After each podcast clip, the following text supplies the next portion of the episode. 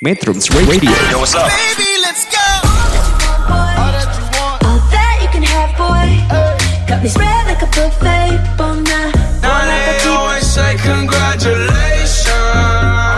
Come and strip that down for me. I'm on my way. Girl, come and strip that down for me. Yeah, yeah, yeah, Metrums yeah. Radio Media terintegrasi kaum muda Metro Radio Media terintegrasi kaum muda dalam jelajah komunitas. Halo, selamat siang para metronom. Assalamualaikum warahmatullahi wabarakatuh. Senang sekali hari ini saya Mumu Mujahidin bisa kembali menemani para metronom dalam talk show uh, Metro Radio edisi Minggu 22 September 2019. Seperti biasa selama 2 jam ke depan dari pukul 14 waktu Indonesia Barat Eh, tepatnya hari ini eh, atau jam segini ya eh, sampai sore hari nanti tepat pukul 16 waktu Indonesia Barat. Nah, seperti biasa selama eh, apa namanya selama dua jam ke depan saya akan ditemani oleh eh, kalau hari Minggu kalau hari Minggu nih ya saya selalu ditemani oleh Profauna Indonesia. Nah, tapi kali ini ada yang berbeda karena eh, di ruangan saya sudah ada tiga orang, enggak tanggung-tanggung banyak sekali ini keroyokan. hari ini ada kita juga kedatangan dari Pusat Konservasi Elang Kamojang PKEK karena Ya. eh, hari ini kita bakal ngobrolin terkait bird of prey atau eh, burung pemangsa Pemangsa, ya. iya. Makanya kita eh, nanti ngobrolnya enak gitu ya, tidak hanya dari Profauna tapi juga ada dari eh, PKEK seperti itu. Sudah hadir di ruangan saya seperti biasa ada kalau tentang burung-burung di Profauna itu ada Mas Singgi eh, Prayogo, sorry. Beliau eh, adalah aktivis Profauna atau eh, apa namanya supporter ya, Yap. supporter Profauna Jawa Barat. Halo Mas Singgi apa kabar? Alhamdulillah baik, mudah-mudahan nggak bosan nih para metronom. Enggak, karena emang ngobrolnya senang sekali kayak gitu. Dan selanjutnya juga ada Mas Abdul Jabar, ini dari PKEK, beliau sebagai perawat satwa ya. Ya, Halo. Mas Abdul, selamat siang. Selamat siang. Dan terakhir ini ada Pak eh, Mas Cipta Nugraha. Ini juga sama dari PKEK, eh, beliau bertugas di PKEK sebagai tim monitoring satwa ya. Iya, betul. Halo Mas Cipta. Halo. Gimana kabarnya eh, kalian bertiga? Sehat? Sehat. Sedikit kepanasan. Gimana tadi berangkat berarti dari Kamojang? Dari Kamojang. Kalau Mas Iki dari mana tadi? Eh, saya sih deket aja sini dari Jalan Jakarta dari Labuan. Oh dari Jakarta. Di Tapi rumah. macet ya Mas? ya? Waduh, kampung Korea mulai buka. Oke. Ja- eh, Jalan Jakarta flyover. Udah deh. Crowded aja Udah. pokoknya. Baik kita akan eh, seperti yang sudah saya sebutkan tadi bahwa hari ini kita bakal ngobrol terkait eh, burung pemangsa atau bird of prey. Nah, bird of prey ini pas kemarin saya cari nih ya, maksudnya saya cari referensi terkait bird of prey ini malah yang muncul adalah filmnya Margot Robbie, Eh, sequelnya apa eh, Suicide Squad eh, nanti bakal tayang atau rilis di Februari 2020. Ternyata sama judulnya. sama judul filmnya Margot Robbie eh, apa namanya? sama dengan tema kita hari. Tapi kita tidak bakal ngobrolin eh, apa namanya ngobrolin film, kita bakal ngobrolin si burung pemangsa ini seperti itu. Tapi sebelum kita mulai eh, ngobrol, saya seperti biasa akan menyapa dulu para metronom yang sudah setia mendengarkan kami, mungkin sudah mendengar eh apa namanya sudah eh, menunggu eh, talk show kita hari ini. Eh, seperti biasa ya sudah nongkrongin apa namanya website kami di metrum.co.id. Halo, selamat siang para metronom. Mudah-mudahan tidak bosan mendengarkan kami dan eh, saya juga menyapa para metronom yang sudah mendengarkan kami melalui aplikasi Metrum Radio yang dapat diunduh melalui Google Play Store. Halo, selamat siang para metronom. Mudah-mudahan nggak bosan dan bisa mendengarkan eh, siaran kami di mana pun berada. Karena sekarang udah gampang banget dengerin eh, Metrum Radio melalui aplikasi ini seperti itu. Dan saya juga nggak bosan-bosan buat ngingetin para metronom eh, untuk follow semua akun media sosial kami di ada Twitter, Facebook, kemudian Instagram dan juga eh, Pinterest di @metrum.co.id dan em, kita juga punya channel YouTube, channel Metrum Radio. Jangan lupa like, subscribe, komen dan juga share video-video menarik kami. Dan terakhir kita juga punya podcast Metrum Radio di anchor.fm. Jangan lupa kepoin podcast-podcast menarik kami juga. Dan terakhir Eh, saya akan mengajak para metronom untuk diskusi bareng bersama dengan tiga eh, bintang, aduh bintang tamu lagi. tiga narasumber saya, sorry. tiga narasumber saya ini. Silakan WhatsApp kami di 08562121 029 dengan format nama, alamat dan pertanyaan. Atau mau request lagu juga boleh. Nanti kita akan bacakan dan kita akan putarkan di akhir segmen seperti itu. Nah, ini ya ngomongin apa namanya ngomongin burung pemangsa kan eh, setahu saya ha- eh, setahu saya itu ini ya apa namanya burung elang sih. Iya, cuma elang aja gitu. cuma elang cuma elang saja setahu saya gitu. Tapi kayak ada atau eh, masih banyak lagi mungkin nanti kita akan share. Jangan dulu sekarang. Eh, kita akan dengerin dulu da lagu sebuah lagu dari Ran dekat di hati. Jadi jangan ke mana-mana tetap di Metro Radio media terintegrasi kaum muda dalam jelajah komunitas Metrums Radio, media terintegrasi kaum muda.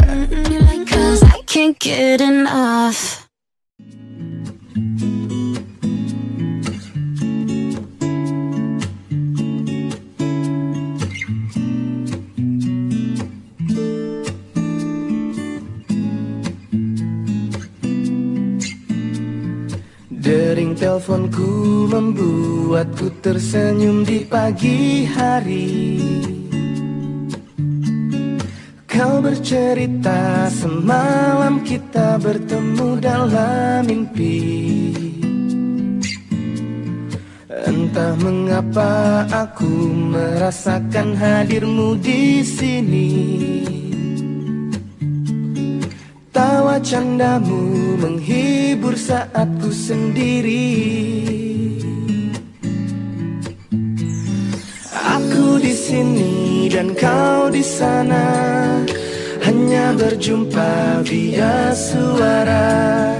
Namun ku selalu menunggu saat kita akan berjumpa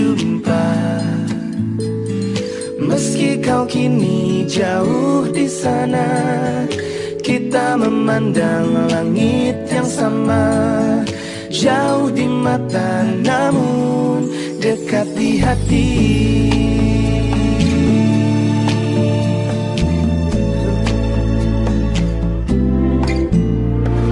Dering teleponku membuatku tersenyum di pagi Tawa candamu menghibur saat ku sendiri. Oh Aku di sini dan kau di sana. Hanya berjumpa via suara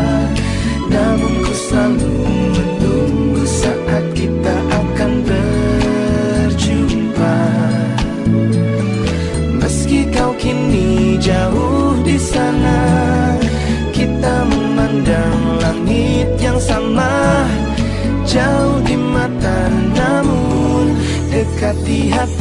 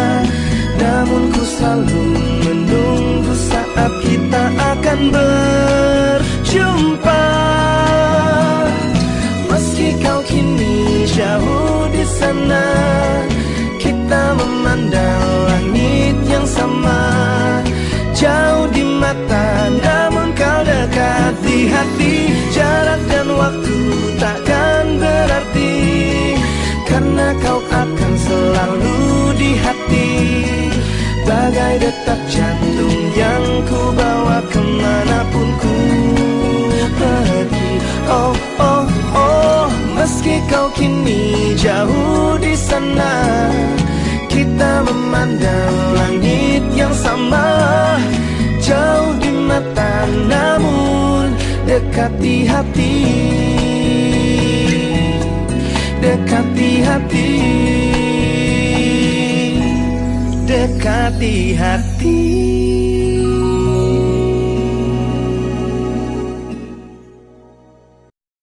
Metrums Radio, media terintegrasi kaum muda.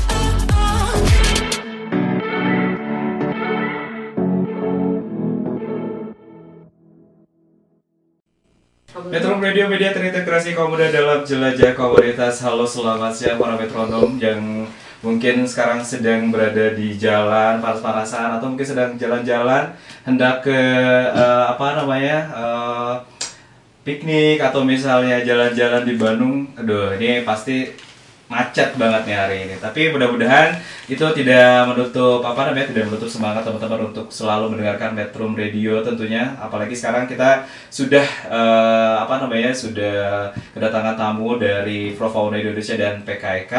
Kita akan ngobrolin masalah tentang eh, apa namanya burung pemangsa seperti yang sudah disebutkan tadi Em, di awal saya baru tahu kalau misalnya baru baru tahu satu kalau misalnya eh, jenis burung pemangsa itu hanya elang gitu. Nah, ini kita akan tanyakan kepada expert-expertnya nih. Sebenarnya jenis burung pemangsa ini eh, hanya elang saja atau jangan-jangan saya emang nggak belajar biologi. Lupa lagi udah lama nggak belajar masalahnya seperti itu. Baik eh, saya tidak lupa mengingatkan para teman-teman yang mau diskusi bersama kami yang mau bertanya terkait tema kita hari ini silakan WhatsApp kami di 085621211029 dengan format nama alamat terus kemudian pertanyaan. Atau eh, teman-teman yang mau request lagu juga boleh atau mau kirim-kirim kirim-kirim eh, salam juga boleh Eh, di WhatsApp kami juga di 085621211029 Eh, dengan format nama terus kemudian alamat lagu yang diminta dan salam-salamnya seperti itu. Baik, Mas Inggi karena dan juga Mas Cipta dan juga Mas Abdul, kabarnya eh, langsung saja mungkin ya. Saya ingin tanya terkait sebenarnya apa yang disebut dengan burung pemangsa, terus kemudian perbedaan antara burung pemangsa dengan burung-burung eh, lainnya itu apa gitu sebenarnya. Nih silakan, siapa yang menjawab? Dari Mas Singgi dulu deh. Eh, gini kalau burung pemangsa itu biasanya mereka eh, itu top predator di udara gitu ya. Kalau kalau di darat itu ah, harimau, eh, singa, bangsa kayak gitu. Kalau kalau di eh, laut itu eh, hiu, bangsa kayak gitu. Nah kalau di udara itu elang, istilahnya kebanyakan elang. Walaupun burung pemangsa itu nggak cuma elang aja, itu ada eh, istilahnya ada eh, burung hantu juga itu masuk. Kadang-kadang su- orang suka suka bingung alap-alap itu juga itu juga masuk gitu ya, masuk raptor gitu istilahnya, masuk termasuk eh, burung pemangsa juga. Jadi ada beberapa eh, jenis memang di situ, tapi memang terlalu kalau banyak kalau mau detail mungkin PKIK yang lebih ngerti. Bedanya adalah sama yang lain itu burung burung pengicau. Burung begitu. Nah, jadi passivormus itu eh, yang biasa dikandang-kandangin orang tuh, bang kayak gitu, dijual-jual di pasar-pasar burung atau apa, bangsa kayak gitu yang yang kita udah mulai jarang dengar suaranya kalau kita pergi ke hutan atau apa selain suara tongeret gitu pastinya ya. Yang paling sering suara tongeret itu. Gitu. Jadi bedanya di situ. Kalau kalau kalau elang kan paling suaranya ya ya bukan karena eh, karena dia masuknya uh, burung pemangsa jadi bukan uh, masuk ke pengicau pengicau gitu jadi suaranya gitu aja bagus. nggak ada nggak nggak ada Sumbang gitu. nggak ada merdu-merdunya gitu ada burung gitu inti poin-poin apa basic basic perbedaannya sih di situ Hmm. gitu Mungkin Mas Cipta atau Mas eh, Abdul mau menambahkan? Sebenarnya sih lebih tepatnya lagi kalau misalkan untuk burung pemangsa itu, misalkan elang itu dia tuh burung yang memangsa Hmm. jenis daging. Oke. Jadi berbeda dengan burung-burung yang memangsa seperti Biji-bijian. biji-bijian, bahkan kayak serangga-serangga kecil. Hmm. Dan Itu termasuk lagi itu eh, termasuk- kalau misalkan untuk burung pemangsa itu burung yang memangsa jenis daging. Oke, jenis daging. Maksudnya jadi eh, termasuk elang ya. Masuk elang kan eh, makanannya misalnya tikus gitu ya. Iya, tikus. Anak ayam. Hmm. Sebenarnya eh, untuk elang itu makanan utama dia itu ayam. Oke, tapi apa? banyak juga cerita dari masyarakat masyarakat sekitar tuh ketika misalkan eh, elang itu yang sering memangsa ayam sebenarnya Hmm. itu tuh bukan emang makanan utamanya, tetapi karena menandakan bahwa habitat dia itu udah rusak. Udah rusak. Oh gitu. Jadi memang Jadi karena ada di lagi- habitatnya dia itu udah gak ada makanan, jadi akhirnya si Iya. satwa-satwa liar di alam liar tuh terpaksa untuk Makan mencari makan ke masyarakat yang terdekat. Oke gitu. Tapi sebenarnya maks eh, apa makanan utamanya apa tuh kalau elang? Biasanya tiap jenis itu berbeda-beda. Oke. Ada yang eh, makanan utamanya itu ular, Mm-mm. makan tikus, mamalia tupai, kecil. ya, Hmm, mamalia kecil, bahkan kelas burung yang lebih kecil dari ukuran mereka pun dia bisa dia mangsa. Iya. Maksudnya sama burung berarti tapi ukurannya Bisa lebih juga, kecil. iya. Iya. Terus kalau misalnya tadi kan disebut juga kalau misalnya eh, burung pemangsa ini tidak hanya elang tapi juga ada alat-alat terus kemudian juga owl atau burung hantu ini juga termasuk Sebenarnya alap-alap itu masih termasuk raptor. Maksudnya kalau Masih, elang. ya masih kelas elang. oh gitu. Ya. Nah ini kalau burung hantu makannya apa? Burung hantu itu tikus biasanya Tikus biasanya. utamanya. Ah, tikus. Iya. Tapi yang membedakan itu kan kalau misalkan untuk burung hantu itu dia aktifnya di malam hari. Nocturnal. Jadi burung pemangsa biasanya kita kelompokkan menjadi dua. Iya. Jadi yang aktivitasnya siang diurnal, malam nokturnal Iya. gitu. Oke, berarti cuman berarti eh, ya itu tadi ya cuman elang terus kemudian owl itu Owl, karena iya. elang Elang termasuk Masuknya eh, ke elang. raptor Iya. tadi ya termasuk elang juga. Hanya alap-alap itu membedakan ukuran tubuhnya itu lebih kecil. Oke. Iya. Nah, kalau gitu eh, jenis eh, apa namanya jenis elang. Jenis elang itu ada berapa macam sebenarnya? Masih Untuk di Indonesia itu ada Sekitar 80. 80 apa 82. Belum yang migran ya. Iya. Iya. 82 jenis. Termasuk Iya. yang migrasi. Wow. Kurang lebih. Banyak, banyak banget ya. Iya. Saya mau nyebutin satu-satu tapi takutnya mau minta nyebutin satu-satu tapi takutnya nggak inget. Eh. Yang udah pasti lang Jawa udahlah. ya pasti lagi Jawa Simbol. ya. Oke, tapi Iya. mungkin termasuk alap-alap ini ya. Maksudnya alap-alap ini kan termasuk elang jenis Iya, Iya, termasuk iya. alap-alap. termasuk dari 80 Iya. itu. Mm-mm. Oke. Dan sekarang eh, 8 dari 80 jenis itu di Indonesia ya? Iya. Atau Iya. di dunia? Di Indonesia. Oh, di Indonesia. Eh, di Indonesia dari 80 sekian itu sekarang seperti apa kondisi? Apakah masih adakah atau misalnya udah mulai berkurang atau seperti apa? Apa tinggal 40, 39 atau, atau masih 80 gitu maksudnya. Gimana nih?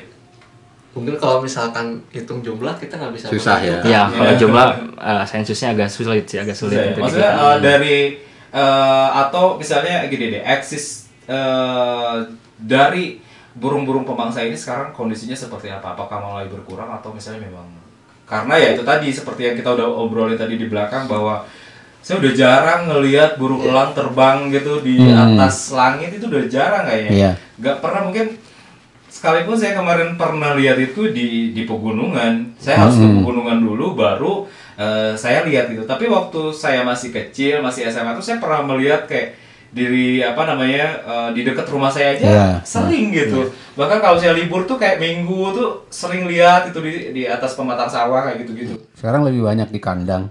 Kalau Di- macam ada tapi di Banyak. kandang berarti. Oh gitu. Artinya bahwa apa nih Singgih? Eh, artinya bahwa memang tingkat perburuan masih tinggi ya, gitu. Tingkat perburuan masih tinggi, terus eh, apa namanya? Eh jujur aja, kalau kita mau, eh, saya pernah investigasi, kalau eh kita pengen burung elang apa gitu ya, Oke. kita tinggal bilang aja, gitu. Saya pernah ditanya, loh, bapak mau burungnya jenisnya apa? Mau yang anakan? Umur berapa? Ditantang kayak gitu malah saya gitu loh. Luar biasa saya pikir. Aduh. Itu terus saya tanya balik, emang bisa kayak gitu? Ya bisa Pak, tergantung dari permohonannya aja, permintaan dari dari pasar aja mintanya apa gitu loh. Kalau elang Jawa mungkin nanti harganya akan segini, umur segini, harganya segini, terus elang apalagi nanti eh, harganya segini. Oh gitu ternyata gitu. Jadi memang bahwa eh, perburuan itu memang nyata walaupun katakan banyak yang mengatakan gitu ya terutama ini maaf ini buat yang falconry kalau mamanya ada yang denger kalau kita pelihara kan lebih bagus begini gini gini gini. Masalahnya bisa nggak terus kemudian ber- mengembang biakan semua segala macam? Karena elang itu kan nggak gampang untuk berkembang biak. Dia butuh space butuh butuh ruang yang luas gitu loh.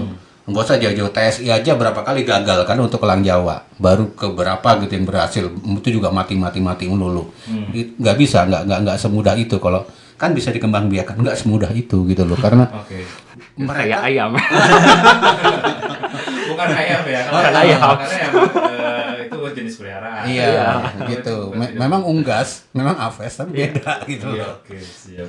Jadi eh, kalau jumlahnya berarti sekarang di alam ini udah mulai berkurang bisa dikatakan seperti itu karena adanya eh, apa namanya adanya perburuan liar. Iya, Iya. nah, ya trennya betul. menurun gitu. Oke. Jadi pada intinya ya untuk sekarang itu semua jenis elang di Indonesia itu dilindungi, Hmm. Hmm. termasuk eh, alat-alat itu. Yang ke 80 itu ya? Ya Ya, semua, semua. Semua, semua ya, ya semua jenis eh, elang intinya itu sudah Dilindungi. apa dilindungi gitu. Iya. Hmm. Oke. Tapi kalau yang ada nggak sih yang maksudnya eh, sekarang udah memang eh, tidak ada gitu, maksudnya udah secara jumlahnya gitu, ada ada angkanya nggak sih? Kalau sih ada ada jenis elang yang memang sudah tidak ada gitu sekarang. Kalau kalau nggak tahu ya kalau selama saya di lapangan karena sering hunting juga motret, Hmm. Kayaknya lebih jarang susah nyari itu eh, elang elang per- eh, elang eh, perut karat ya. Iya, perkara. Itu lebih lebih susah dicari daripada elang Jawa gitu loh sekarang Oke. untuk kondisinya sekarang gitu loh. Walaupun eh, mungkin eh, orang udah mulai sadar bahwa elang Jawa itu udah jadi simbol negara semua segala macam. Jadi mulai udah mulai takut untuk pelihara itu. Tapi yang belum terdeteksi ini malah jarang sekali tuh ya elang perut karat itu yang enggak nggak pernah ketemu malah. Iya, kan? Kalau Mas Ida sering sering birding nih ya, maksudnya sering motret gitu. Nah ini eh seberapa intens gitu Mas Singgi eh, maksudnya ngelihat elang gitu.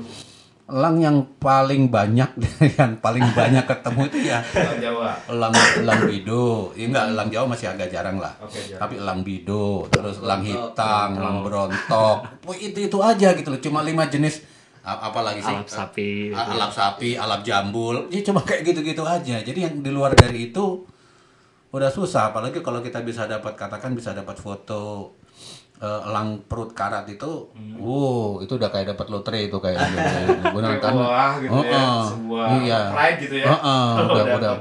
Apalagi bisa nemu sarangnya gitu kan, aduh Hmm. itu luar biasa kayak gitu tuh. Oke, berarti cuman tadi berapa lima nih ya yang sering Ya, umumnya. Mas Singgi Yang umumnya.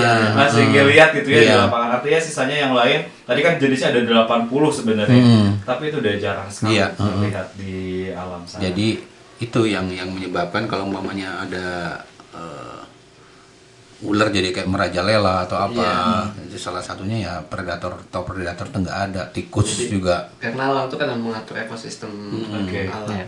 Oke. yang menyeimbangkan. Oke, nanti kita akan eh, bicarakan atau akan bahas tentang fungsi elang sendiri di alam ini seperti apa. Tadi udah dibahas sedikit, tapi nanti kita akan bahas lebih lengkap lagi. Eh, di depan ada Juice WRLD eh, Legend. Jangan ke mana-mana, tetap di Metro Radio, media terintegrasi kaum muda dalam jelajah komunitas. Metrums Radio,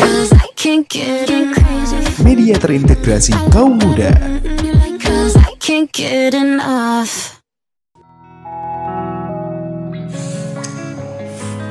usually don't speak on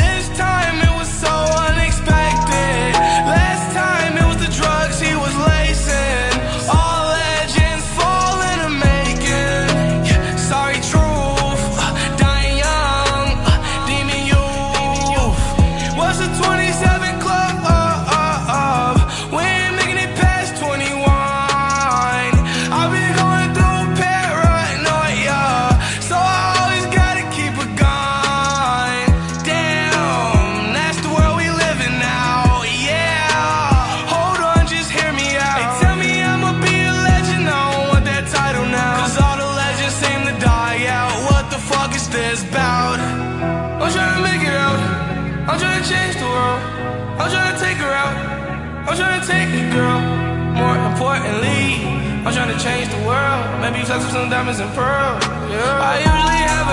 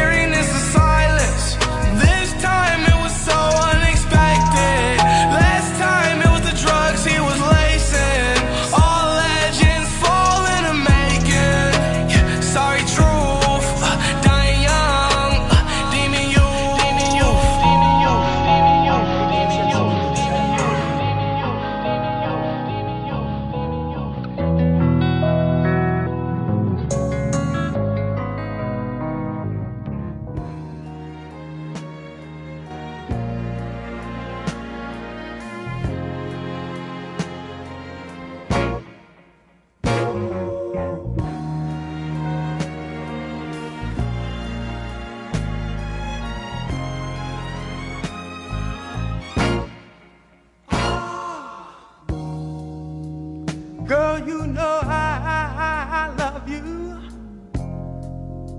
No matter what you do. And I hope you understand me. Every word I say is true. Cause I love you. Baby, I'm thinking of you. Trying to be more of a man for you. And I don't have much riches, but we're gonna see it through. Cause I love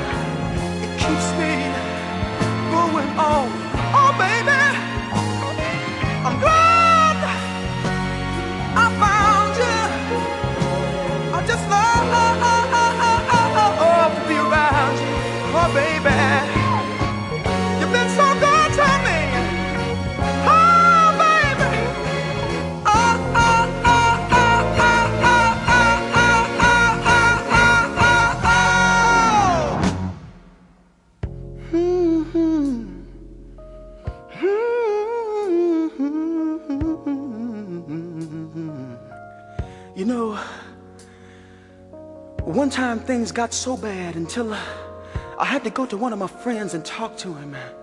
And I told him, I said, you know, I'm having problems with the woman that I love. It seems that I call her on the phone and I, I just can't get her to answer. And then I went to her house and I saw a car parked in the driveway. I knocked on the door, but still my knocks went unanswered. And then I went home and I, I watched television until television went off. And then I played my records until I just didn't want to hear them anymore. And finally I went to bed, but I found myself waking up a few hours later. And the tears were running down my face. And my friend told me, he said, Lenny, you just ought to forget about her. But I told my friend, I said, you know, maybe you've never been in love like I've been in love. And maybe you've never felt the things that I felt.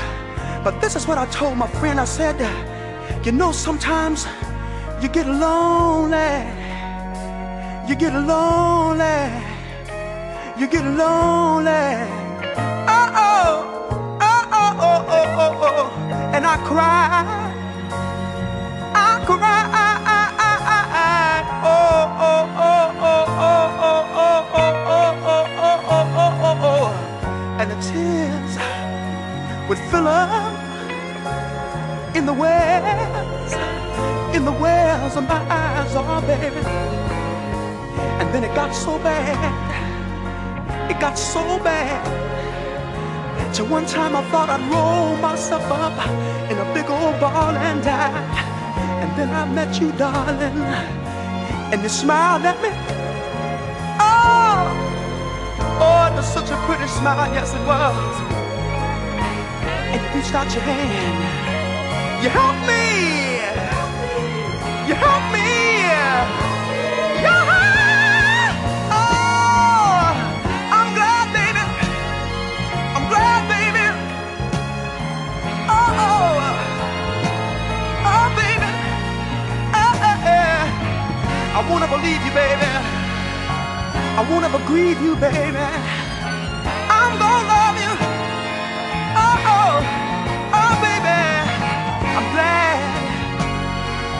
glad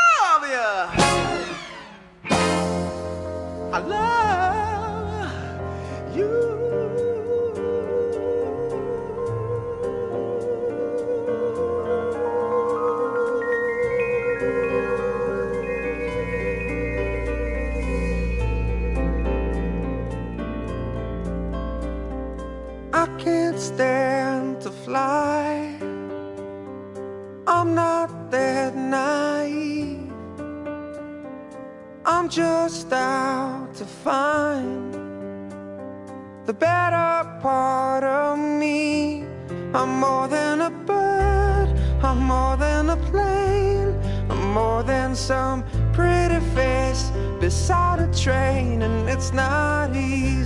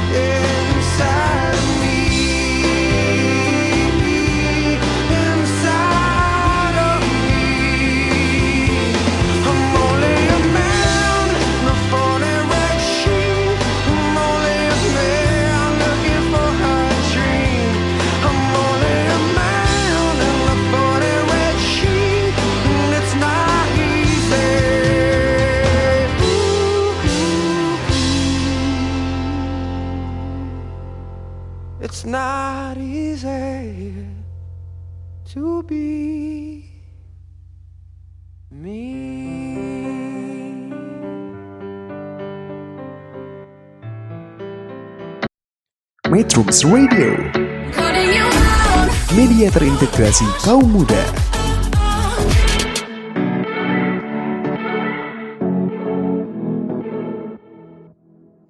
Metrum Radio Media terintegrasi kaum muda dalam jelajah komunitas Selamat sore menjelang siang. Eh salah. Selamat siang menjelang sore. Kayak faktor lapar ini ya. Masih bersama saya Muhammad Mujahidin dan juga tiga rekan saya ada Mas Cipta, terus kemudian Mas Abdul dan juga Mas Singgi dari Profauna Jawa Barat dan juga dari PKEK em, Kamojang ya. Em, masih eh, seperti yang sudah tadi kita bahas, kita masih ngebahas tentang burung pemangsa. Em, nanti kita akan lanjutkan diskusinya, tapi sebelumnya saya akan bacakan dulu eh, beberapa WhatsApp dari para metronom di luar sana. Yang pertama ini ada dari 0821 788 sekian sekian. Em, dari siapa nih? Dari Zidan. Dari Zidan ini dia apa nih? Oh iya, dia cuma kirim-kirim eh, salam aja nanti kita akan bacakan di akhir. Ini ada selanjutnya ada dari eh, Kirana Nagrek Eh, Kak mau curhat mumpung ada Profauna dan PKEK katanya. Aku itu udah sering banget melaporkan kepemilikan elang di Bandung, tapi kenapa lebih banyak yang nggak direspon sama pihak pemerintah yang berwenang? Nah tuh, bisa bantu nggak Profauna dan PKEK bantu follow up ke BKSDA katanya. Terus panjang banget nih. Semua elang dilindungi kan kak? Nah nanti tadi udah dijawab ya. Ya. Udah ya. Satu lagi mau request lagu No Air dari Jordan Spark featuring Chris Brown. Terus kemudian eh, buat semua warga Indonesia yang sedang sesak oleh asap karhutla. Nah, itu salamnya. Terus kemudian banyak banget nih salamnya buat tim Profauna yang rajin tiap minggu edukasi di Metro Radio. Bacain sama puterin ya. Kasep. Terima kasih. Alhamdulillah. Ya, yang puji gue juga. Oh iya satu lagi salam kenal buat Kang Cipta dan Kang Abdul dari PKEK katanya. Kalian keren mau berjuang untuk elang. Makasih sudah datang jauh dari Kamojang. Wih. Kasih kembali. Buat Kang Cipta dan Kang Abdul ini seperti itu. Oke, ini dari Kang. Nanti kita akan puterin ya eh, siapa Kirana dari Nagrek lagunya No Air dari Jordan Spark dan juga Chris Brown di akhir segmen. Baik, em, sebelumnya saya akan eh, mengingatkan para metronom untuk eh, apa namanya untuk follow semua akun media sosial kami ada Facebook, Instagram, Twitter dan juga em, Pinterest di @metrum.co.id atau eh, kita juga punya eh, channel YouTube Metrum Radio. Jangan lupa like, subscribe, komen dan juga share video-video menarik dari Metrum Radio. Dan terakhir kita punya podcast Metrum Radio di anchor.fm. Jangan lupa kepoin podcast-podcast menarik kami gitu. Baik, em, Kang Cipta, Kang Abdul dan juga Mas Inggih lanjut. Mungkin eh, tadi kan kita sudah bahas terkait eh, sedikit banyak tentang eh, apa namanya burung pemangsa ya, Yap. dan juga sekarang habitatnya eh, apa namanya eh, jumlahnya mulai sedikit sebenarnya Hmm. karena memang sudah jarang kita lihat di luar sana gitu ya Iya. burung-burung ini. Nah, em, siapa yang tahu sebenarnya fungsi burung pemangsa ini di alam atau eh, di di ekosistem itu seperti apa sih sebenarnya? Mungkin siapa yang mau jelasin? Kasih Oh, oke. Eh, memang seperti tadi yang dibilang sama eh, eh, dari Kang Jabar ya dari PKK bahwa makan itu memang sendiri-sendiri. Jadi kalau kalau elang itu cenderung ke mungkin cenderung ke ular semua segala macam. Makanya ada istilahnya elang ular bido semua segala macam kayak gitu. Terus kalau eh, apa namanya eh, burung hantu itu ke tikus bangsa kayak gitu. Dan kalau dari beberapa tempat yang hmm, jadi jangan disalahkan jangan disalahkan kalau umpamanya eh, elang eh, apa namanya eh, ularnya itu merajalela. Karena elangnya sebagai predator udah berkurang jauh terus di sawah gitu kan. Eh, tikus. gitu kan. Eh, merajalela karena burung hantunya gue udah nggak tahu pada ke mana. Oke. gitu. Nah untuk ada beberapa kasus yang menarik di di apa namanya di para petani gitu ya. Mereka sudah mulai sadar bahwa eh, bahwa eh, burung hantu ini pre- predator predator alami dari dari dari eh, apa namanya eh, tikus. Di beberapa desa itu eh, di Bali di Probolinggo di Wonosobo itu mereka mulai membuatkan rumah. Oke. rumah-rumahan nah, rumah-rumahan untuk sarang gitu untuk untuk di di tengah-tengah sawah Wow. tuh gitu. Jadi dan hasilnya lumayan bagus. Bahkan ada satu di membuat di satu desa saya lupa di daerah mana. Kalau nggak salah di daerah Gunung Kidul atau apa saya lupa. Em, itu ada pengumuman kalau siapa yang berani membunuh satu ekor aja atau berburu satu ekor eh, apa namanya burung hantu akan berhadapan dengan orang satu kampung Wah. wah ini keren nih. oke juga nih Ada. kayak gitu di semua tempat. ya? sama saya baca gitu dikirimin gitu aduh oke juga nih kalau gitu Jadi itu cukup berhasil ya maksudnya untuk eh, agar si berarti si tempat itu untuk si sarangnya burung hantu Iya. itu di sawah itu ya. Ya, alhamdulillah, alhamdulillah eh, banyak yang mulai mulai istilahnya bukan pelihara ya, tapi memberikan tempat tinggal untuk untuk ini apa namanya eh, untuk si burung hantu sebagai pem, eh, istilah sebagai eh, apa namanya pembantu, kok pembantu ya? Apa namanya untuk membantu untuk membantu eh, para petani ini di sawah gitu sebagai predator alami mudah-mudahan banyak daerah-daerah lain yang akan eh, meniru kayak gitu. Mungkin kalau untuk spesifik ke alam atau apa mungkin dari PKIK lebih lebih lebih bisa menjelaskan lebih detail lagi gitu. Hmm, jadi gimana nih? Apa burung elang itu fungsinya predator kan Eh, atau pemangsa ya? Ya. Nah seperti apa nih? Mungkin bisa dijelasin lagi nih. Oke, ya kalau tadi juga kan sama Mas Ingo udah dijelasin, dijelasin kita ada untuk elang-elang itu ada preferensi pakan yang mereka favoritkan Iya, gitu. Kayak tadi betul. ada elang ular, ada elang yang makan mamalia kecil gitu. Ada elang yang makan tikus, itu kan banyak gitu kan ya jenisnya juga. Nah, karena tadi mungkin masalahnya habitat, sekarang juga elang juga mau nggak mau harus beradaptasi lagi gitu. Oke. Makanya kayak kadang kayak kita di pinggiran-pinggiran Bandung yang masih hijau, terus berbatasan langsung dengan kebun, kita kadang masih nemu ada elang yang nyari makan di daerah situ gitu. Ya karena mungkin ya hutan semakin kecil, tapi kebun semakin luas. Tapi kan di kebun juga nggak menutup kemungkinan ada hama di situ gitu kan. Ya saya pernah beberapa kali lihat ada elang gitu, elang hitam atau elang berontok misalnya. Dia berburu tupai atau tikus itu dari kebun gitu, dari kebun langsung gitu. Jadi Gitu memang sih. eh, fungsinya ya itu tadi ya pemangsa ini penyeimbang ekosistem. Betul. ya. Iya. Jadi kalau Iya. misalnya eh, terput rantai makanan ya. Jadi Iya. kalau misalnya eh, terputus ya nanti bakal salah satunya ya. Ya tidak terkontrol. Gitu. Iya. Iya. paling puncaknya itu elang Paling puncaknya elang. Iya. Kalau misalnya elangnya nggak ada, yang lain berarti Iya. Ya kemungkinan entah ularnya atau tikusnya, ya. iya. Iya, ini nanti- bakal mengganggu eh, petani nanti. Iya. Betul. Gitu. Jadi memang harus eh, ini ya jangan diburu lah intinya kayak gitu. Terus kemudian eh, nah ini tadi saya kelewat sih. Jadi kalau kan banyak jenisnya kan banyak ya. Ada ada sekitar tadi kan ada 80 tapi yang sering dilihat di luar sana ada sekitar 5 atau lebih lah ya. Tadi eh, Mas Igi singgung ada bido terus kemudian berontok dan juga lah hitam ya.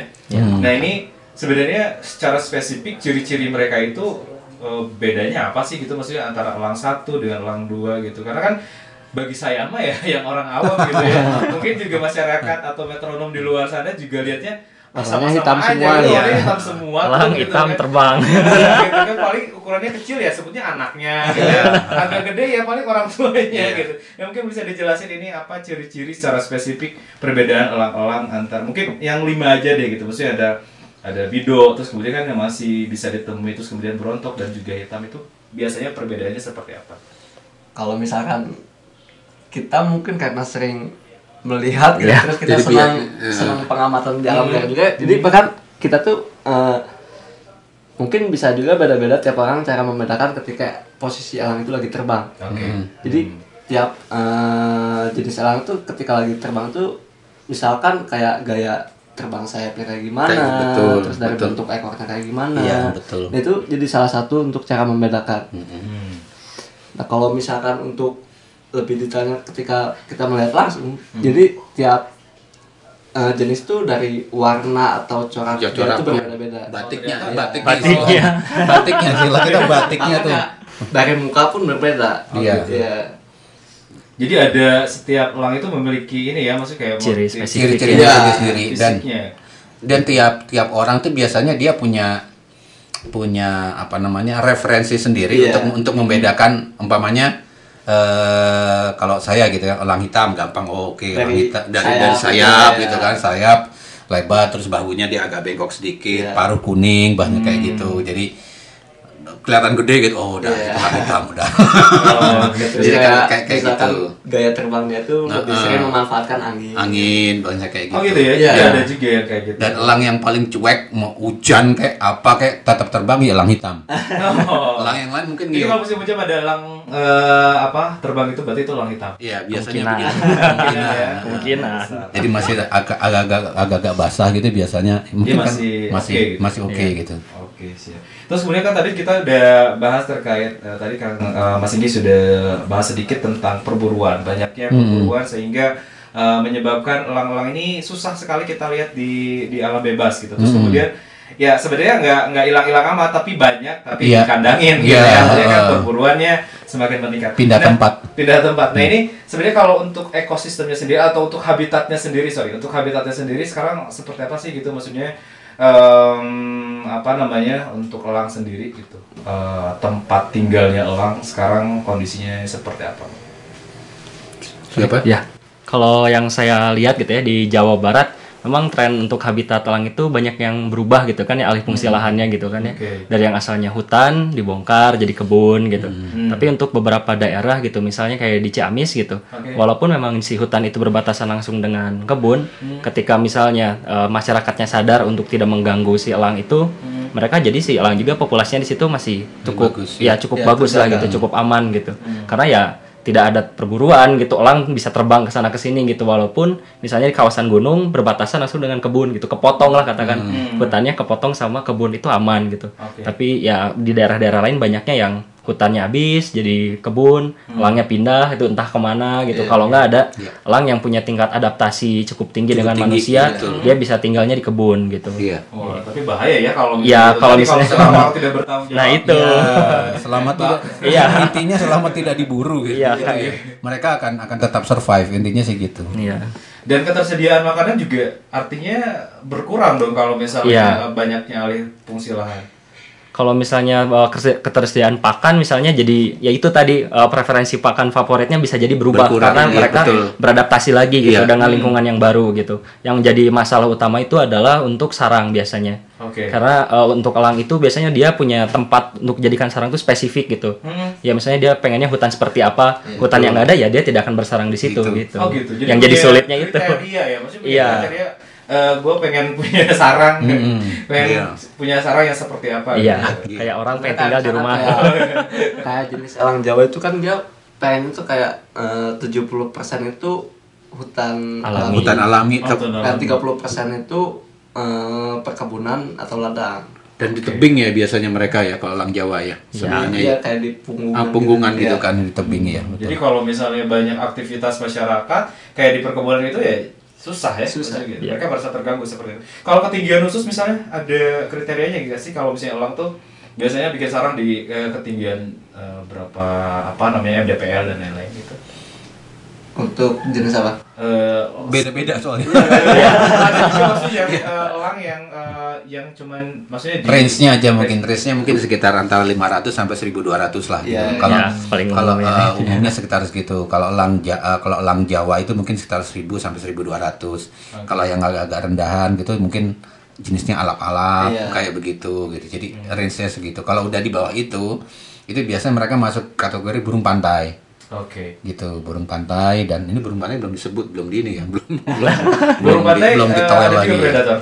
Pro- burung pantai predator juga. Jadi umpamanya kalau Bukan ya? iya, kalau umpamanya penguasa eh, bukan penguasa ya. eh, paling besar elang paling besar di gunung itu elang hitam. Kalau di pantai itu WBSE, Elang laut. elang laut. Elang laut betul. putih. Ah, jadi eh, white belly sea eagle itu itu dia yang paling yang paling paling besar. Heeh, gitu. Dia jadi rentang sayapnya bisa sampai 2 meter. 2 meter, betul. Dua meter. Iya, wow. eh, Kayak ini ya lebih. Oh. gede, gede banget benar. Oke, siap, siap, siap. Baik, em, kita akan bahas lebih eh, lanjut lagi. Kayaknya semakin menarik. Nanti kita akan bahas eh, bagaimana apa namanya berapa jumlah eh, elang yang ada di eh, kawasan konservasi Kang Ujang, iya. saya kita kita akan tanya kepada Kang Cipta dan juga Mas Abdul tentunya.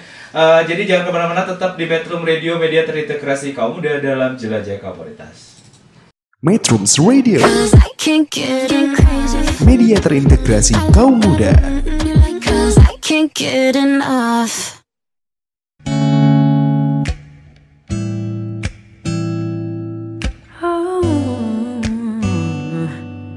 hey.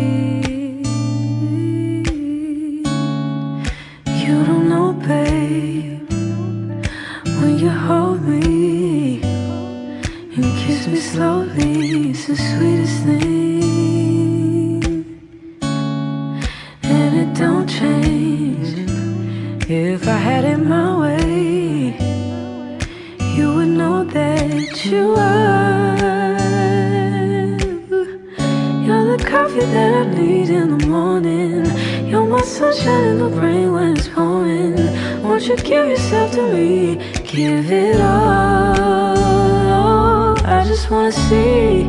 I just wanna see how beautiful you are.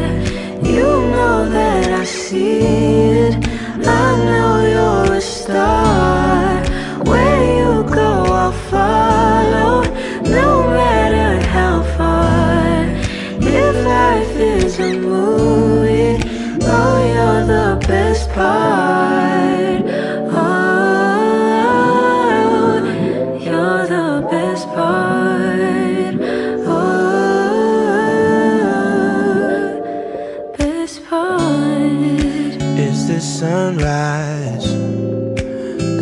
Brown eyes? Yes, you're the one that I desire.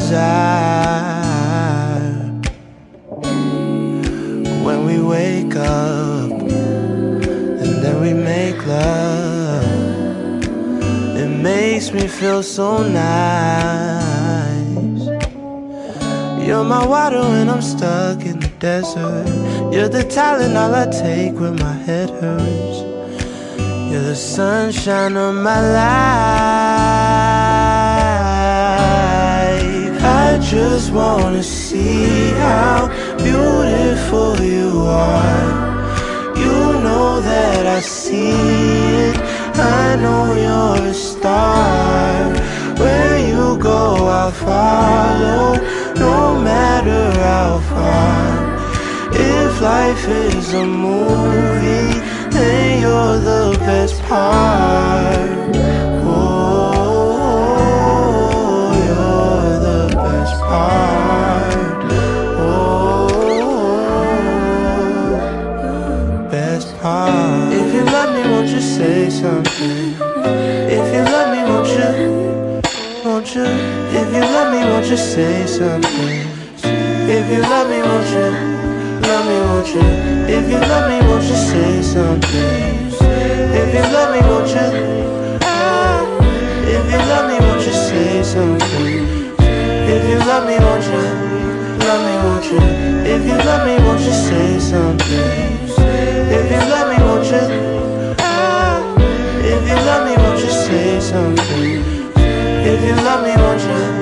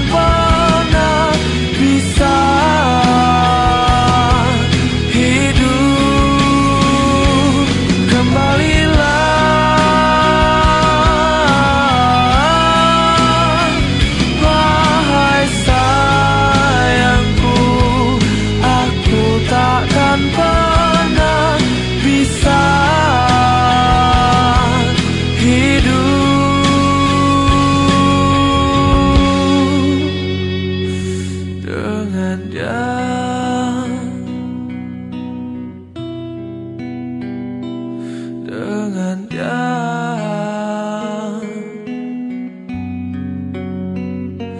Dengan dia Metrums Radio. Media terintegrasi kaum muda.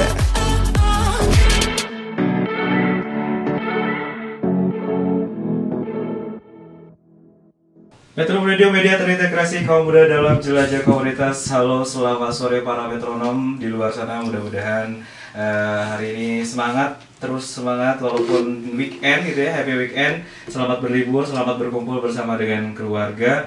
Eh, mudah-mudahan apa namanya sekarang bisa mengumpulkan energi buat besok kembali bekerja karena besok Senin, besok eh, upacara jangan lupa. Putih-putih. Putih-putih. Jadi jangan lupa untuk apa namanya untuk saving energi karena besok udah mulai Senin lagi kayak gitu.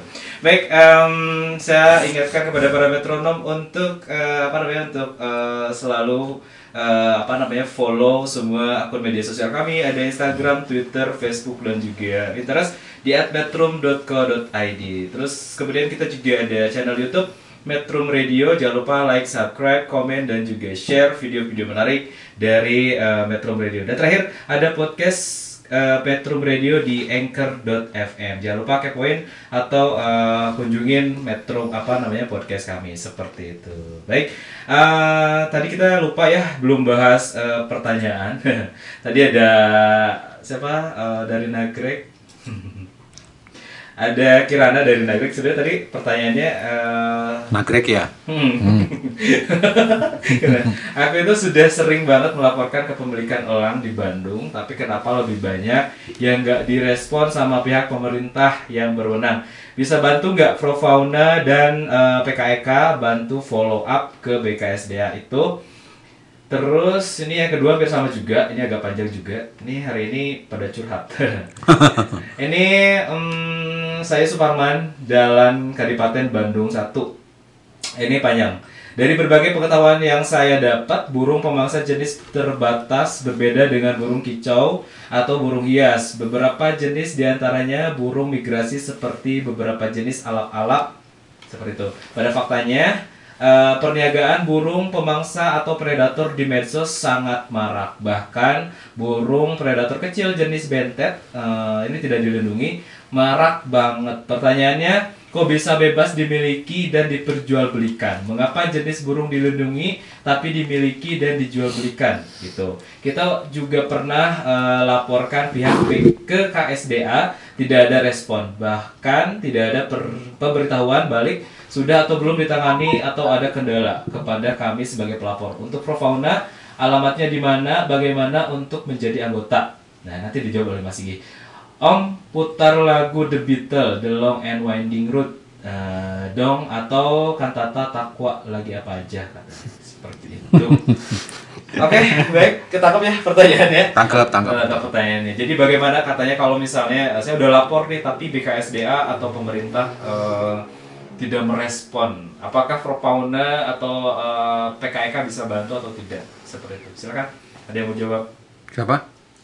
Passing itu. Oke. Eh, gini, eh, sebetulnya eh, kita berada dalam perahu yang sama nih. We are in the same boat. Jadi kita sendiri juga sering melaporkan ke KSDA tapi tidak ada follow up-nya seperti Oke. itu dan eh, apa namanya? eh, beberapa kali mereka mengirimkan udah, eh, foto bareng nanti tim yang akan berangkat begini kayak gini. Tapi kenyataan di lapangan kadang-kadang ada teman yang sering eh, saya tanya ada patroli nggak? Nggak ada tuh nggak ketemu.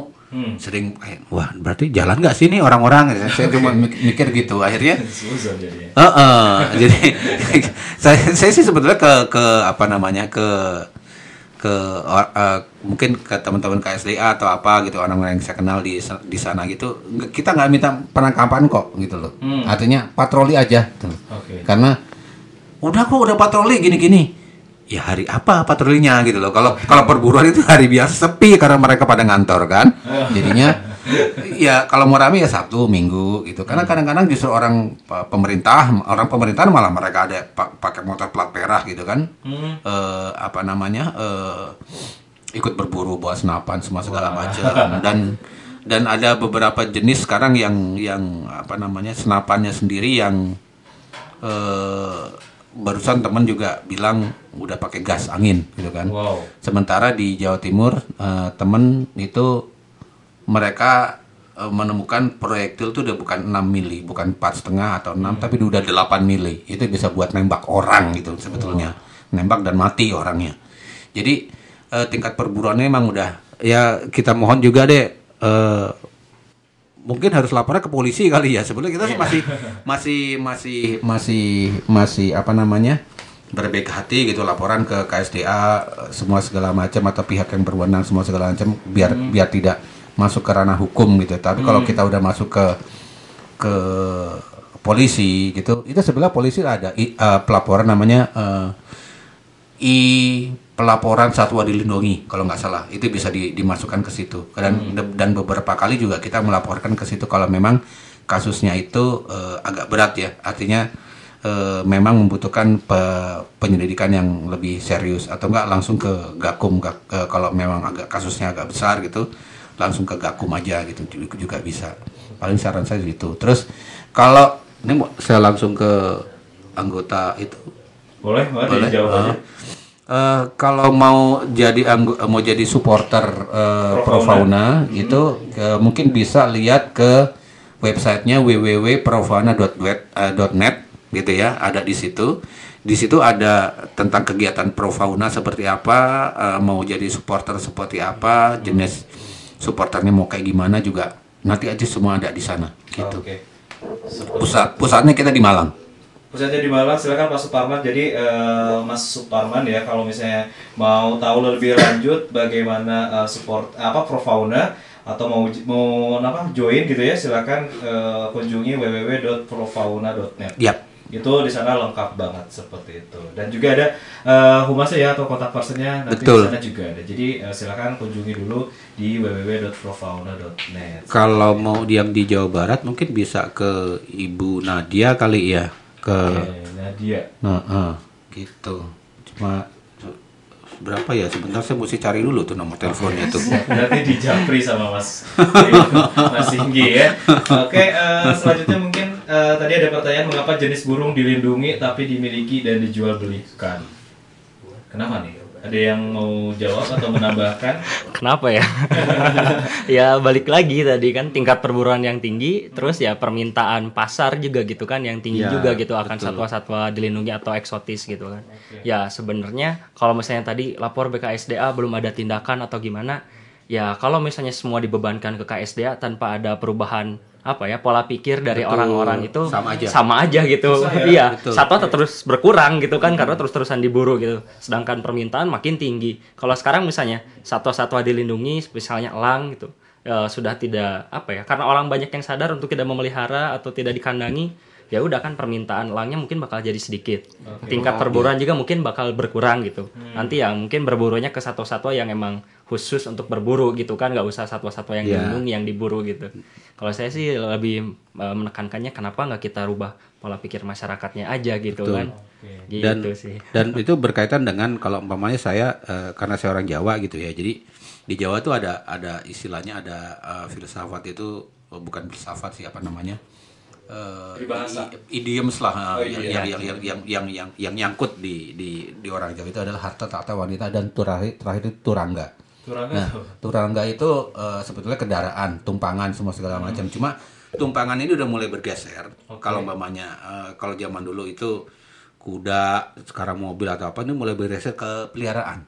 Jadi kalau mereka punya memelihara sesuatu yang eh, jarang, katakan eh, satwa kayak, kayak kayak sekarang satwa yang dilindungi atau apa itu kan langka. Itu buat, buat mereka jadi satu hal yang seksi gitu loh. Jadi meningkatkan status sosial gitu. ya Betul, mungkin meningkatkan status sosial. pemikirannya seperti itu kayaknya Itu itu yang mesti Jadi di harus di Betul. ya, deh. Iya.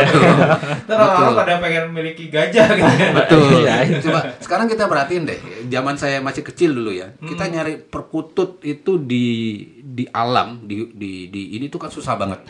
Di kandang orang-orang Jawa itu banyak banget gitu loh. ya depan rumah Depan rumah tuh tiap depan rumah tuh pasti ada, tapi di alam tuh nggak ada. Sekarang kita udah mulai lihat tuh perkutut Jawa itu di di di apa udah mulai kelihatan lah itu di apa namanya di di entah itu di pinggir-pinggir hutan atau enggak di rumah-rumah eh, di wilayah-wilayah perkotaan. Saya pernah lihat di sekitar jalan Jakarta saya pernah motret gitu itu per- perkutut Jawa. Tadi saya pikir tegukur ternyata itu perkutut Jawa. Dan saya, saya juga bingung oh berarti udah ada pergeseran mulai bosen orang dengan perkutut pelihara perkutut suara perkutut semua segala macam mungkin dilepaskan mungkin apa sekarang udah mulai kelihatan. Sekarang yang hilang apaan? Kayak anis bang kayak gitu kayak murai, kayak kayak mu- kayak murai batu. Itu yang mulai jarang dan mulai banyak di kandang. Nah itu yang saya pikir eh, kayaknya melihara burung dilindungi ini udah mulai mulai menjadi tren juga. Dan salah pemerintah juga murai batu dikeluarkan dari satwa dilindungi gitu ya. Oke. itu yang yang yang sangat kita sesalkan gitu sebagai sebagai itu kasusnya waktu B92 itu Eh, yang yang yang yang sempat kacau lah sempat rusuh lah di, di, di Jawa Barat itu Iya. Oke. Kayak saya sama Cipta itu tahun 2017 18 ya waktu kita ada kegiatan pengamatan burung di Gunung Merapi. Dari ratusan orang itu nggak ada yang bisa menemukan burung pleci dan sedangkan eh, kayak hewan-hewan yang dilindungi kayak misalkan burung elang itu masih bisa ditemukan tapi Iya. ini burung yang tidak dilindungi itu ke mana gitu mana ya betul Hilang.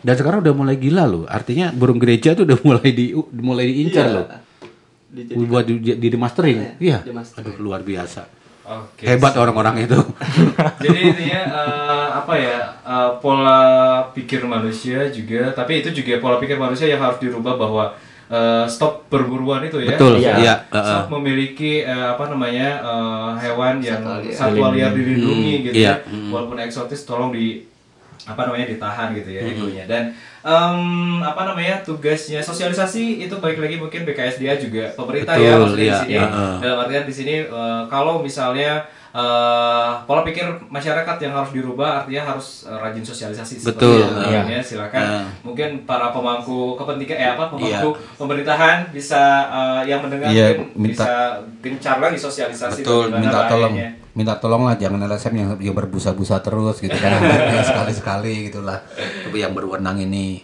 apa namanya eh, turun lah gitu loh ke lapangan gitu sosialisasi karena karena kadang-kadang kan mereka yang lebih oh dari petugas kalau kita kan siapa ini kan Iya. gitu Oke. bedanya gitu Dan mungkin masyarakat juga yang sudah tahu mungkin bisa apa namanya bisa eh, sharing gitu ya dengan Iya, masyarakat masyarakat. Jadi harus berani untuk mengatakan bahwa eh, berbahaya untuk apa namanya untuk perburuan liar satwa liar dilindungi ya Iya. seperti itu. Bagi masyarakat yang mungkin sudah teredukasi dengan eh, mendengarkan eh, Metro hari ini bisa sharing dengan masyarakat masyarakat lain ya gitu. Tidak hanya mengandalkan masyarakat apa pemerintah saja karena Iya. Betul. memang susah ya. Iya, Ya, sebenarnya ini harus ini adalah tugas semua orang. Iya, iya, betul. Seperti itu.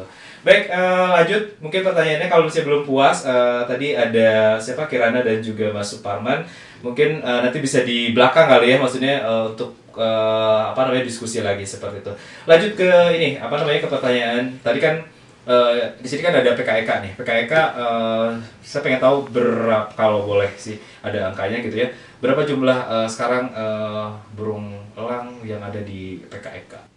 Kalau jumlah yang ada di kita sekarang kurang lebih ada sekitar 120. 120 elang. 120 elang. Oke. Iya. Ini berbagai jenis dan uh, Ya, ada beberapa jenisnya kurang lebih ada enam jenis. enam enam jenis. elang ya. Iya, enam nah, jenis. ini, ini dari mana saja? Ini ada apakah uh, titipan dari PKSDA atau uh, apa namanya? uh, pe- diserah penyerahan Penyerahan. dari masyarakat misalnya dari hobi para apa dari para pemilik gitu perorangan itu ke PKSDA. Ke, Kalau ya, kalau ke kita di PKK ini sekarang sistemnya jadi eh, satu pintu gitu. Jadi untuk Hmm. penyerahan satwa ataupun itu ya nggak bisa langsung ke PKK, tapi harus ya melalui institusinya itu oleh KSDA sendiri gitu. Jadi biar semuanya lebih tercatat gitu kan kalau ada apa-apa gimana itu satwa dari mana oleh KSDA gitu kan. Iya. Karena peraturannya sekarang seperti itu gitu. Oke, berarti bisa dikatakan uh, yang ada di PKK adalah titipan dari PKSDA. Iya, satu dari BKSDA gitu. Oke. Nah ini em, apa namanya eh, proses atau misalnya treatment dari eh, di PKK sendiri seperti apa sih untuk elang-elang eh, ini sampai nanti dia siap untuk dilepas liarkan? Nah, eh, kalau yang kita lakukan biasanya seperti ini. Eh, elang yang dipelihara itu kan eh, paling utamanya adalah tingkat ketergantungan dengan manusianya yang tinggi. Itu yang jadi masalah. Oke. Yang kedua, nah dari tingkat keter- ketergantungan itu dia akan menurunkan eh, naluri berburunya. Itu. Terus perilaku terhadap satwa lainnya.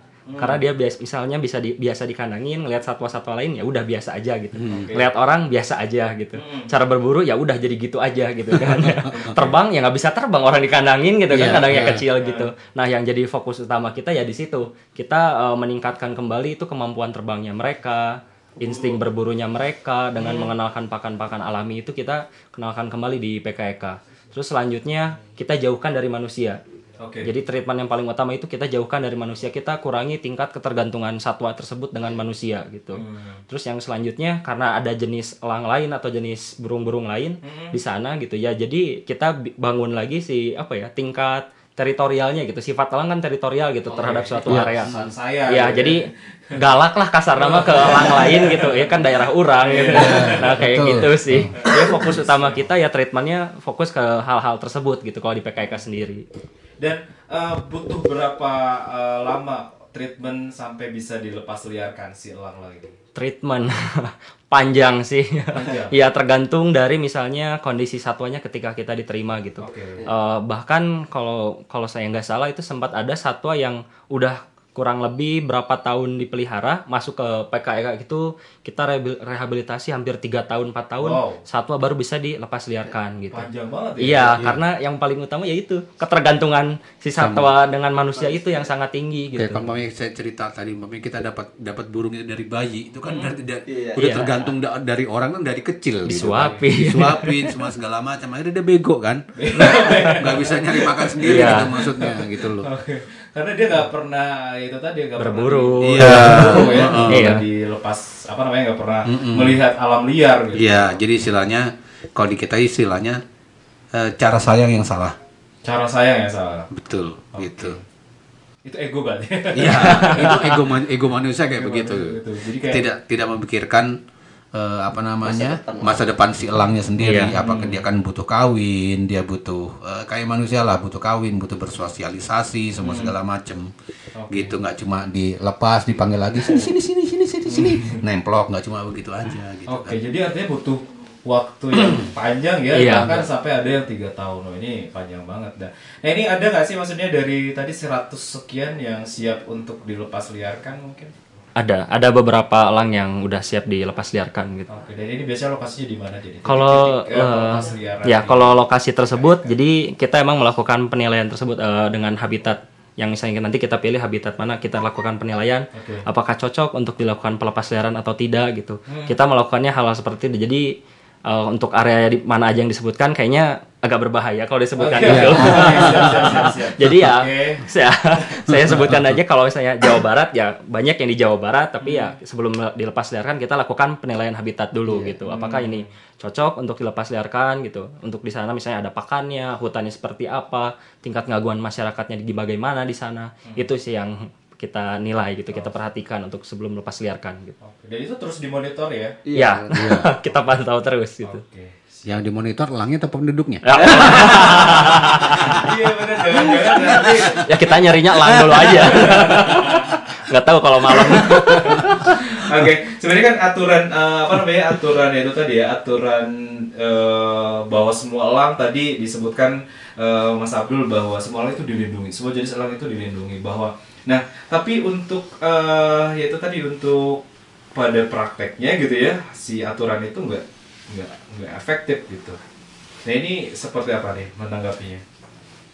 Maksudnya jadi ketika uh, perburuan liar ditemukan, terus kemudian dilaporkan, terus kemudian dihukum, tapi nggak maksimal gitu, dan itu tidak memberikan efek jerah. Tetap Ah. aja di luar sana banyak. itu yang mengesalkan kita sebetulnya gitu jadi eh, kita sangat kesal ketika sebetulnya tinggal eh, revisi undang-undang nomor eh, nomor 5 tahun 90 itu itu mau direvisi itu sebenarnya tinggal ketok palu aja itu DPR itu sebetulnya terus tiba-tiba sekarang dibubarin terus keluar nongol eh, P berapa dulu itu eh, sebelum P92 eh, itu buat katanya buat pengganti.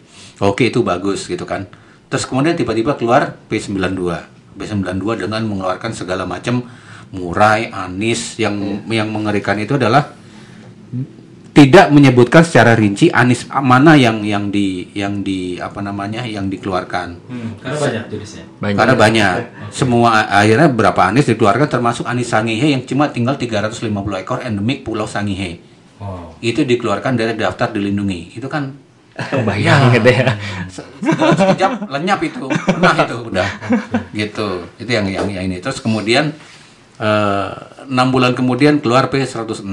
Saya mikir ini pemerintah kok jadi jadi kayak apa sih cuma tiga bulan keluar, enam bulan keluar, jadi kayak peraturan kayak buat mainan gitu loh. Jadi agak ngeri kita ini dengan pemerintah ini sebetulnya mau mau, mau ke mana sih gitu loh. Oke siap. Jadi butuh perhatian khusus ya. Jadi kalau misalnya Iya. ada ada apa namanya ada aturan-aturannya memang harus di difungsikan atau misalnya ditegakkan dengan se apa namanya sebenar-benarnya. Jadi sehingga memberikan itu tadi efek jerah kepada para pemburu liar ya, Iya. untuk para pe- apa para penjual seperti itu. Ini ada pertanyaan dari 0857 24 sekian sekian tapi nggak ada namanya nih. Eh, buat PKEK eh, elang kan monogami. Apakah hasil pemeliharaan dari PKEK itu dapat kawin berkembang biak atau hanya menjaga populasi yang diserahkan dari KSDA? Terima kasih. Terima kasih. Lain kali pakai nama ya Mas ya.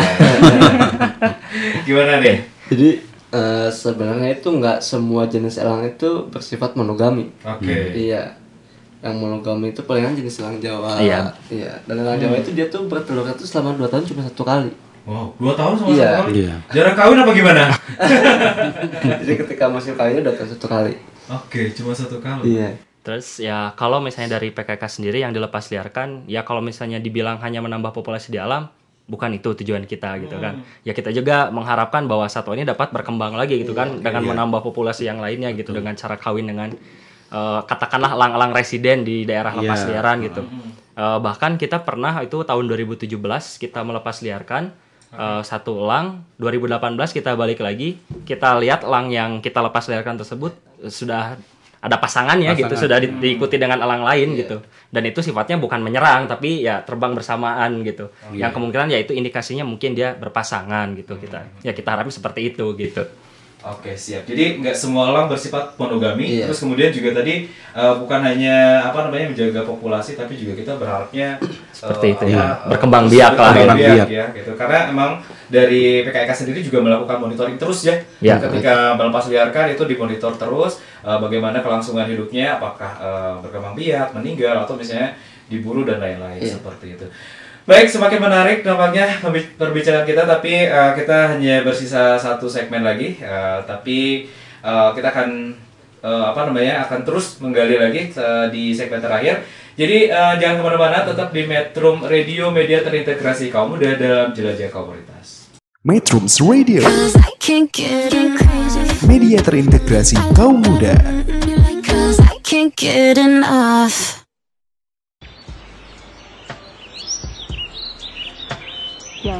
Turn my music up. Up some more. Up some more. Up a little bit more.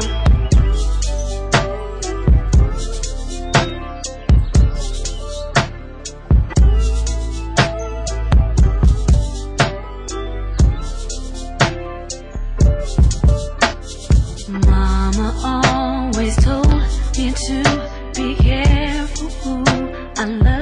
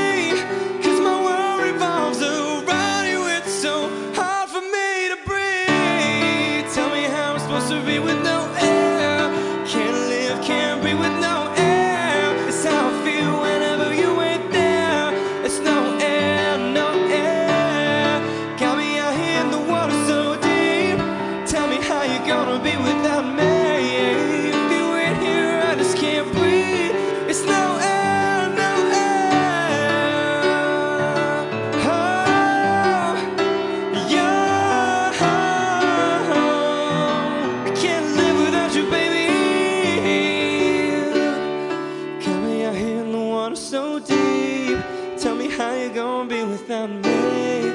If you ain't here, I just can't breathe. There's no end, no end.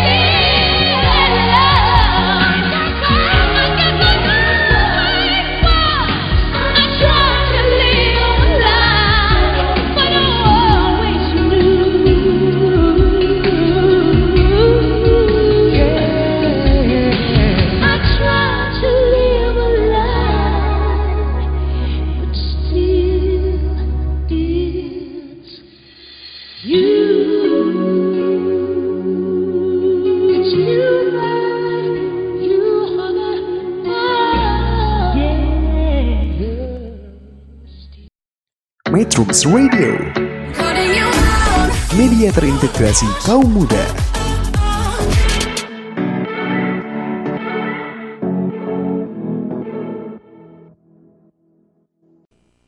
Metro Radio Media terintegrasi kaum muda dalam jelajah komunitas tak terasa udah eh, dua kali 60 menit. Artinya kita sudah eh, apa namanya sudah berada di penghujung eh, penghujung acara. Kita sudah di segmen terakhir eh, nampaknya bersama dengan Fauna Indonesia dari Jawa Barat dan juga dari PKEK eh, apa namanya konservasi elang Pusat Kamojang. Konservasi Elang Kamojang. Pusat Konservasi Elang Kamojang. makin ini ya, makin kacau nih.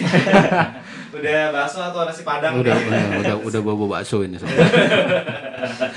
Oke, em, nampaknya eh, di akhir segmen ini saya ingin ini aja sih kali ya maksudnya kan tadi kita udah bahas banyak sekali bahwa ternyata memang eh, apa namanya keberadaan eh, apa namanya elang pemangsa ini udah sangat jarang sekali di luar sana karena memang pemburuan yang meningkat ya. Terus kemudian juga eh, apa namanya habitatnya juga sudah mulai berkurang beralih fungsi dan lain-lain gitu. Artinya ketersediaan dan juga eh, populasinya tentu ini berpengaruh menurun gitu.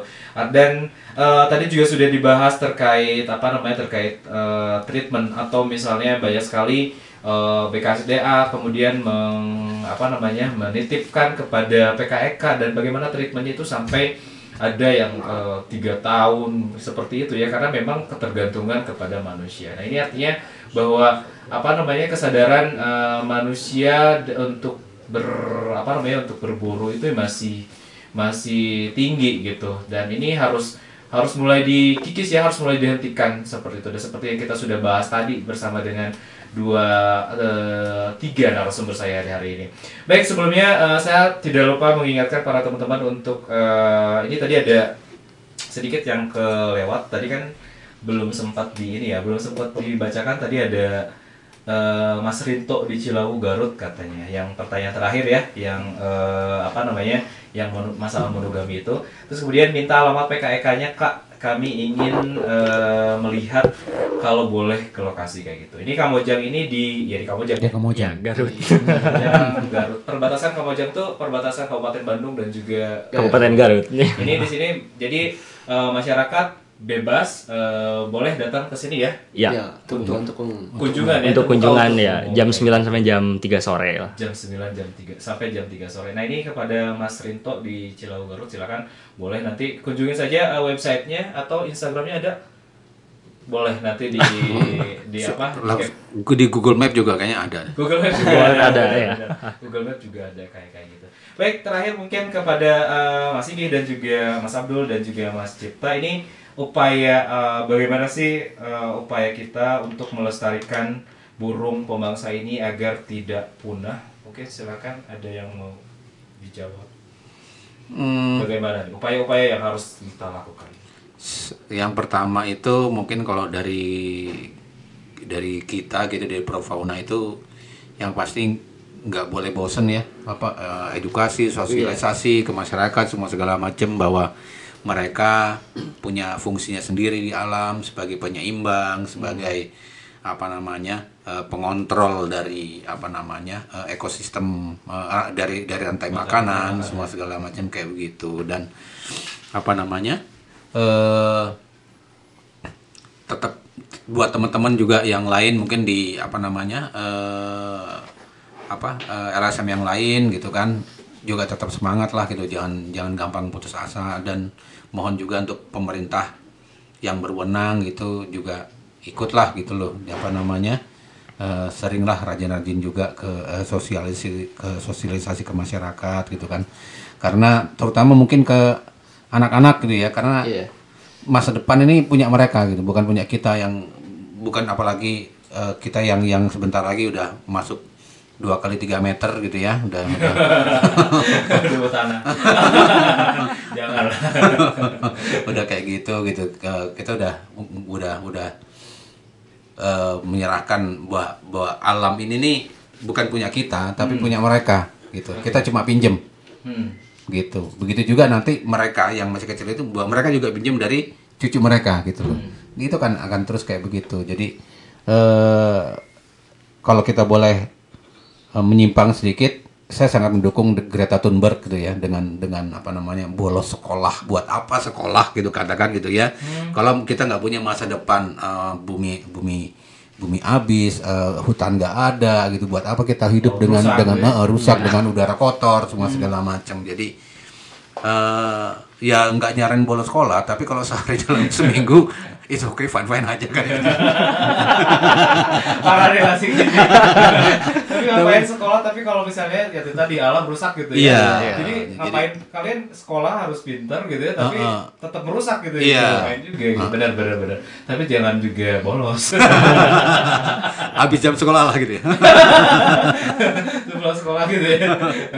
Oke, terus mungkin dari PKK mungkin bagaimana nih upaya pelestarian yang eh, bisa dilakukan masyarakat? Ya kalau dari PKK sendiri kita itu sering eh, melakukan kegiatan edukasi ke sekolah-sekolah. Hmm. Jadi kita emang eh, sasaran utamanya tuh anak-anak yang masih sekolah gitu. Iya. Jadi kita kenalkan mereka dengan elang, maka kita kasih tahu bahwa elang itu satwa dilindungi. Hmm. Mungkin nanti ya fungsi dia di alam seperti apa. Bahkan kan yang kita tahu gitu seperti Garuda Pancasila itu kan simbol negara kita yang diidentikan dengan elang Jawa gitu Iya, kan.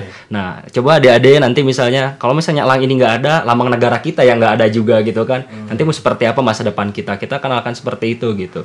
Eh, belum juga ditambah misalnya dengan adanya kita membuka kunjungan untuk umum juga. Iya. Itu kita mengenalkan juga edukasi bahwa eh, jangan memelihara elang lah untuk apa gitu kan. Fungsi dia di alam seperti apa dan kita juga lihat bahwa di sana ada satwa-satwa yang ini loh yang hasil dipelihara oleh orang tuh jadinya kayak gini gitu. Dia tidak bisa berfungsi sebagai top predator di alamnya itu gitu. Jadi kita ya melakukan edukasi itu bisa di luar sekolah ataupun misalnya di PKK itu sendiri sih. Oke, bisa Kalau kita- kita langsung ke PKK. ya. Iya. Baik, namanya seru sekali eh, perbincangan kita di edisi kali ini tentang elang atau atau predator ya, elang atau Yep. predator. Eh, ini luar biasa sekali, banyak sekali informasi-informasi yang sudah kita sharing kepada metronom di luar sana dan jujur eh, saya juga banyak sekali eh, apa namanya eh, pengetahuan tambahan terkait elang ini karena memang jarang sekali secara spesifik gitu ya. Biasanya kan kalau Profauna eh, sebelum-sebelumnya ada juga sudah ngebahas tentang eh, burung kicau ya. Iya. Minggu lalu burung kicau dan sekarang eh, burung predator ini luar biasa sekali dan ini sangat informatif sekali buat eh, masyarakat di luar sana, terutama mungkin metronom yang eh, tertarik dengan burung elang silakan mungkin bisa ke PKEK atau juga ke Profauna eh, Jawa Barat seperti itu. Em, nampaknya apa namanya eh, waktu juga sudah menunjukkan pukul 4 lebih 2 menit. 4 menit sih sebenarnya. Eh, artinya eh, saya harus pamit undur diri. Saya dan juga Mas Igi dan juga Mas Cipta dan juga Mas eh, Abdul Eh, saya ucapkan terima kasih banyak. Sama-sama. Sama-sama. eh, sudah datang jauh-jauh dari Kamojang Mas Igi juga. Udah sering sih sebenarnya kalau Mas Igi terima kasih. Untuk tidak bosan datang ke sini. Eh, untuk tidak bosan juga sosialisasi dan juga mengedukasi masyarakat melalui Sama-sama. Metro Radio seperti itu. Em, akhir kata wabillahi taufiq wal hidayah. Wassalamualaikum warahmatullahi wabarakatuh. Waalaikumsalam. Radio media terintegrasi kaum muda dalam jelajah komunitas Metrums Radio All that you can have, boy. Got me spread like a buffet. Bon night. always say congratulations. Come on, strip that down for me. I'm on my way. Girl, come on, strip that down for me. Yeah, yeah, yeah, yeah. Metrums Radio Media terintegrasi kaum muda